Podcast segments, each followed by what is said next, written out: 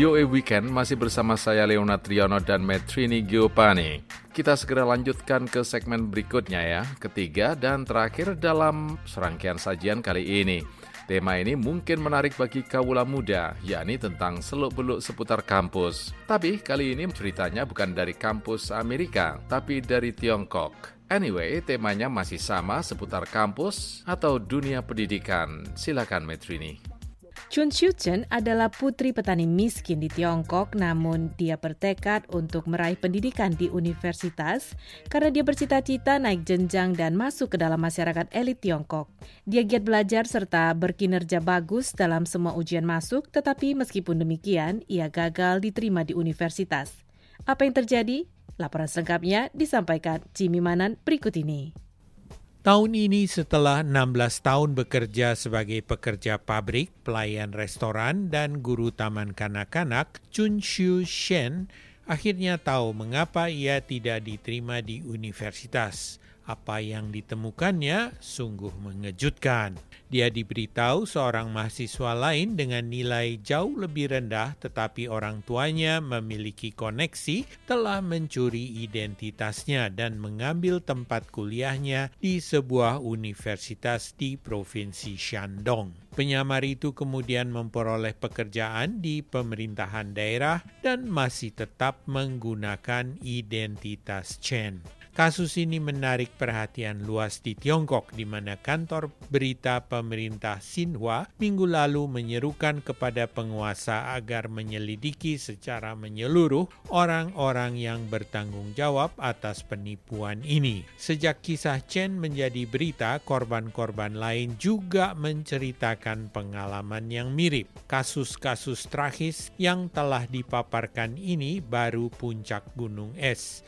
Kebanyakan kasus kasus masih belum terbongkar, kata Hu Jia, seorang aktivis hak-hak asasi terkenal di Beijing. Faktanya meskipun ada pemaparan oleh media di era modern yang dilengkapi dengan internet dan perhatian dari dunia luar, hanya sedikit kasus yang berhasil dibongkar. Menurut sebuah laporan investigatif oleh harian The Southern Metropolis, 14 universitas di Provinsi Shandong berhasil mengidentifikasi 242 orang yang dicurigai menggunakan nama orang lain untuk masuk ke lembaga pendidikan tinggi antara 2018 dan 2019. Pengamat politik Tiongkok mengatakan perilaku seperti itu mencerminkan sebuah kenyataan yang lebih luas di Tiongkok, yakni kelas bawah yang rentan acap kali dikorbankan atau ditipu oleh orang kaya dan memiliki pengaruh.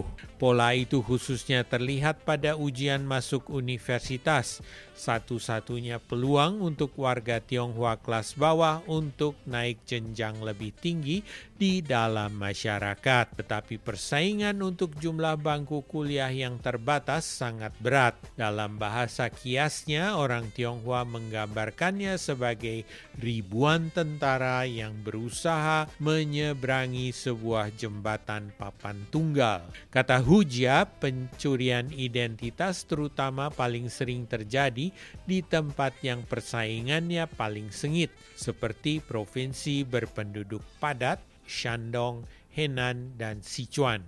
Juga kebanyakan korbannya adalah perempuan. Katanya orang tua yang berpengaruh dan kaya akan menyuap atau berkolusi dengan petugas penerimaan mahasiswa di universitas untuk membantu anak-anak mereka yang nilainya rendah. Hal ini berdampak pada calon mahasiswa dengan nilai bagus terjungkal di dalam seleksi di universitas. Kata Huja, penipuan seperti ini terbongkar. Keluarga mahasiswa penyamar ini sering menggunakan uang atau koneksinya untuk memecahkan masalahnya. Keluarga penyamar yang mencuri identitas Chen juga menawarkan hal seperti itu.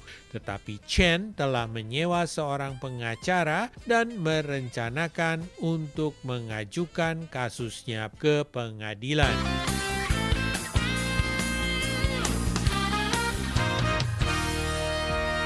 Pendengar demikian VOA Weekend kali ini, edisi Sabtu 4 Juli 2020. Terima kasih atas perhatian dan kebersamaan Anda. Dari Washington DC, saya Leona Triano. Dan saya Metrini Giopani mohon pamit untuk berjumpa kembali esok pada hari Minggu tentunya dengan berbagai informasi yang tidak kalah menarik dan inspiratif. Selamat berakhir pekan. The Voice of America, VOA.